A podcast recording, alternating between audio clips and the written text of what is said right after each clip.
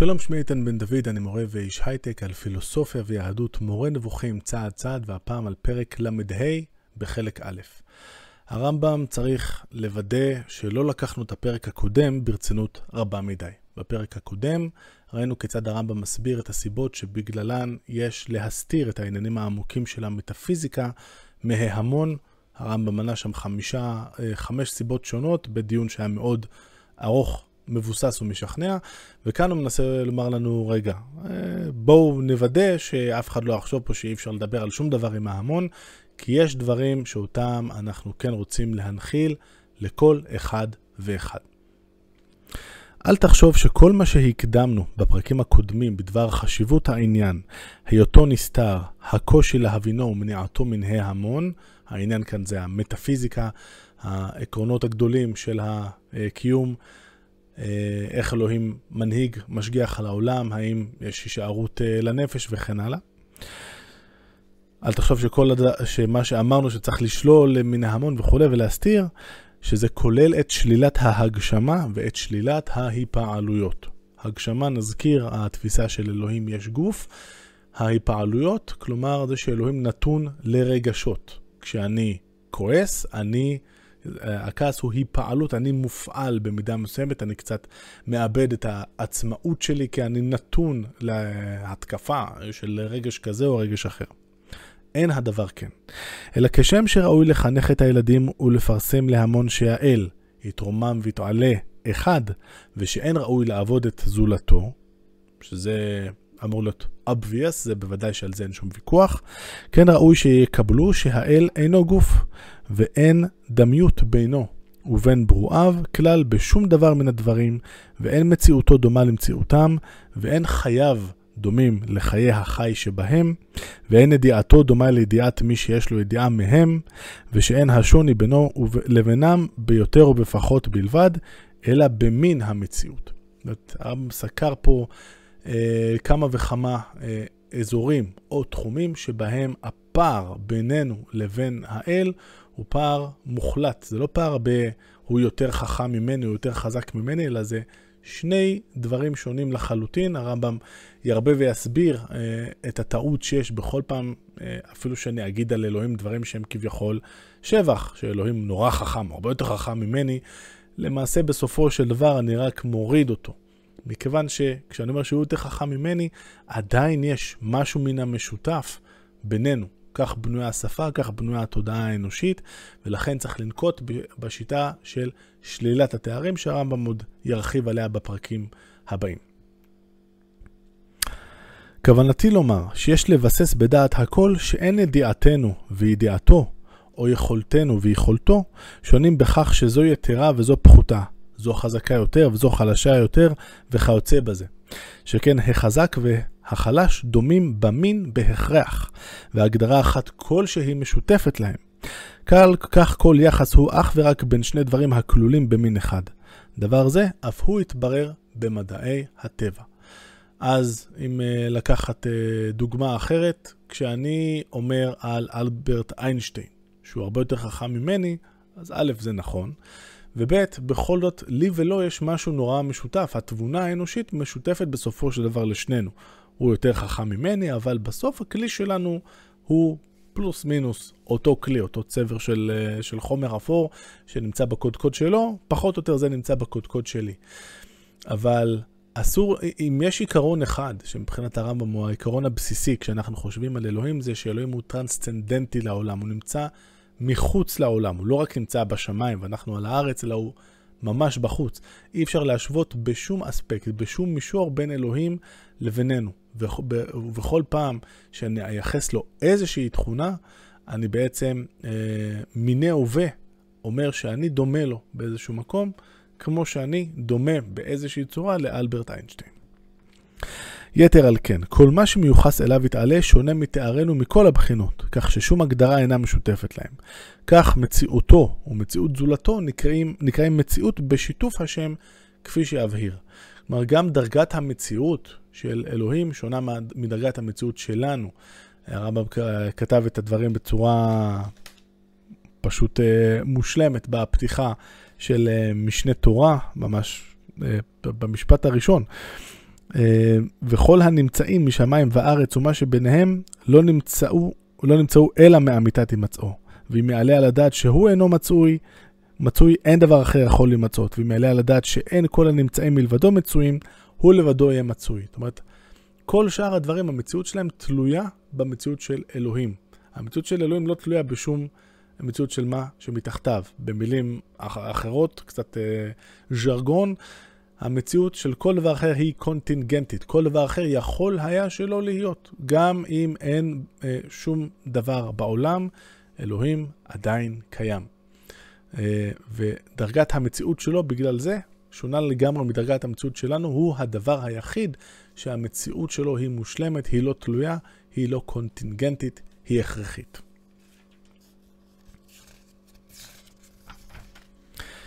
כשיעור זה יספיק לילדים ולהמון לקבוע בדעתם שיש מצוי שלם שאינו גוף ולא כוח בגוף, והוא האלוה, ולא ידבק בו שום אופן מאופני החיסרון, ולכן לא תדבק בו היפעלות כלל.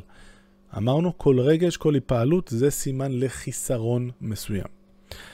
אולם, הדיון בתארים, וכיצד יש לשלול אותם ממנו, ומה משמעות התארים המיוחסים לו, וכן הדיון בבריאתו מה שברא, ובתיאור הנהגתו את העולם וכיצד השגחתו על מה שזולתו, ומשמעות חפצו, הרצון שלו, השגתו וידיעתו את כל מה שהוא יודע, וכן משמעות הנבואה וכיצד דרגותיה, ומה משמעות שמותיו המורים על אחד אף שהם שמות רבים, כל אלה עניינים עמוקים, שהם סתרי תורה באמת, והם הסודות הנזכרים תמיד בספרי הנביאים ובדברי החכמים, זכרונם לברכה. אלה הם הדברים אשר לא ראוי לדבר עליהם, אלא בראשי הפרקים, כפי שהזכרנו, ורק לאדם כזה שתיארנו בפרק הקודם. אז כן, יש הרבה תחומים של המטאפיזיקה שאותם אנחנו לא מלמדים להמון, כמו שהרחבנו בפרק הקודם, פרק ל"ד. ואילו שלילת ההגשמה והיעדר הדמיות וההיפעלויות הם דבר שמן הראוי לדבר עליו במפורש, ולהעבירו לכל אחד לפי תפיסתו. ולמוסרו בקבלה, במסורת, ל- לילדים, נשים, כסילים ולפגומים מלידה, כמו שמוסרים להם בקבלה שהוא אחד, ושהוא קדום, ושאין לעבוד את זולתו, מכיוון שאין ייחוד אלא בהיעדר הגשמות. זאת אומרת, המושג של אלוהים כ- כדבר שהוא אחד, מבחינת הרמב"ם זה אחד המושגים הבסיסיים של אלוהים, מחייב את זה שלאלוהים אין גוף. הרמב"ם מתבסס כאן על אריסטו, שמדבר בספר שלו הפיזיקה, על זה שכל כל דבר שהוא מורכב, כל, כל דבר שמורכב מגוף הוא בעצם דבר מורכב, הוא לא אחד, אלא מורכב, בין אם נגיד שהוא מורכב מחומר וצורה, או מזה שאפשר פשוט לחלק אותו לשניים, כמו שאפשר לחלק כל גודל שהוא לשני חלקים, לשני חצאים, או חל... או לשני חלקים שכל אחד מהם קטן ממנו.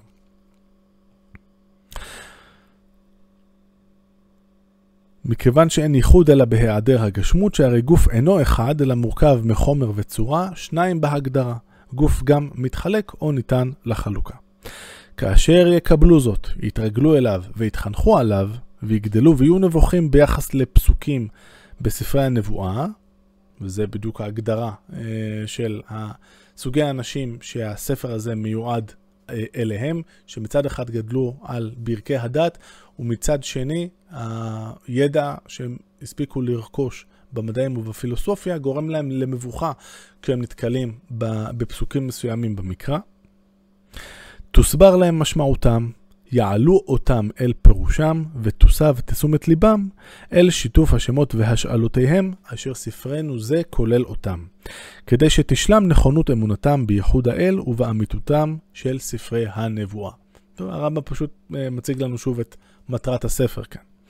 מי שדעתו נרתעת מלהבין את פירוש הכתובים ומלהבין את ההסכמה בשם עם השוני במשמעות, כלומר שיש לנו אה, שם אחד שנסוב על עניינים שונים, זה אותו שם בשני המקרים, אבל המשמעות שלו היא שונה. אומרים לו, מי שלא יצליח להבין את ההסברים שלנו, לא יקבל אותם, בואו נראה מה אנחנו אומרים לו. אנחנו נגיד לו ככה, את פירושו של כתוב זה יודעים אנשי חוכמה. אך אתה יודע שהאל יתגדל ותרומם אינו גוף ואינו נפעל, כי ההיפעלות היא השתנות, ובו יתעלה אין ההשתנות, תופסת. הוא אינו דומה לדבר זולתו. אין שום הגדרה בכלל משותפת לו ולזולתו. דברי הנבואה אלה הם אמת ויש להם פירוש.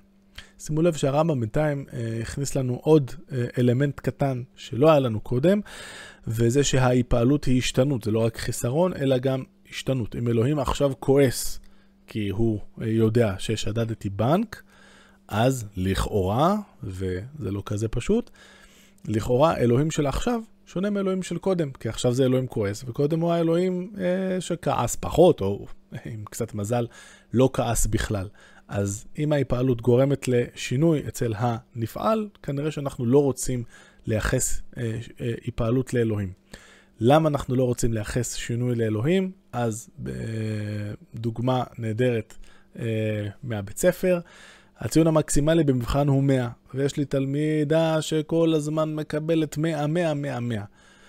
אם יהיה שינוי בציון שלה, הוא יהיה רק לרעה, אין דבר כזה 102 במבחן, כי אין שאלות בונוס, בסדר? אז אם יהיה שינוי, זה רק יהיה לפחות מ-100, ולכן כל שינוי הוא אה, מיניה וביה חיסרון, או לפחות זה מעיד על זה שהדבר או שקודם הוא לא היה מושלם, או שעכשיו הוא לא מושלם. ויש להיעצר לגביו אצל השיעור הזה. אני צריך להגיד לו, תשמע, אנשים חכמים אחרים מבינים, אתה תתמקד במה שאתה יודע. ואני רוצה שוב uh, לקחת אותנו להלכות יסודי התורה במשנה תורה, החיבור שבאמת מיועד לכלל ישראל, ומה שאומר שם הרמב"ם, אחרי שהוא מציג את העיקרים, שהוא פשוט הציג אותם כאן, אז בואו נראה איך הרמב"ם באמת עשה את זה. דברים אלו שאמרנו בעניין זה בשני פרקים אלו, כמו טיפה מן הים. הן ממה שצריך לבאר בעניין זה. וביאור כל העיקרים שבשני פרקים אלו הוא הנקרא מעשה מרכבה, שהרמב"ם מזהה כאמור עם המטאפיזיקה. ציוו חכמים הראשונים שלא לדרוש בדברים אלו אלא לאיש אחד בלבד, והוא שיהיה חכם ומבין מדעתו, ואחר כך מוסרים לו ראשי הפרקים ומודים אותו שמץ מן הדבר, והוא מבין מדעתו ויודע סוף הדבר ועומקו. ודברים אלו דברים עמוקים הן עד למאוד, ואין כל דעת ודעת ראויה לסובלן.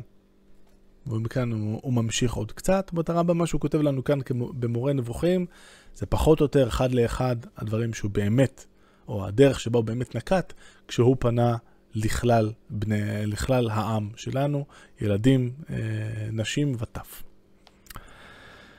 לא ראוי להניח אף אחד להאמין בהגשמה או להאמין בלוואי מלוואי הגופים, הדברים שנלווים לכל אחד מהגופים, כמו שינוי. שאין זה אלא כמניחו להאמין בהיעדר האלוה או השיתוף עמו או עבודת זולתו. זאת אומרת, אם אנחנו אה, לא נקפיד על שלילת ההגשמה או על שלילת ההיפעלויות, אומר הרמב"ם, זה ממש כמו אה, שהבן אדם הזה עכשיו ילך ויעבוד עבודה זרה. אם אני מאמין שלאלוהים יש גוף, אני מאמין בעבודה זרה, זה אותה, אותה דרגה של חומרה. רק אה, נגיד שזה לא מובן מאליו, בימי הרמב"ם היו הרבה יהודים טובים שחשבו שלאלוהים יש גוף. הרבו, היו הרבה אה, חכמים שיצאו נגד הרמב"ם, למרות שגם הם הסכימו איתו שלאלוהים אין גוף, באומרם יש שלומי אמוני ישראל, אנשים אה, נפלאים וצדיקים, שבסדר, הם חושבים שלאלוהים יש גוף. מה קרה?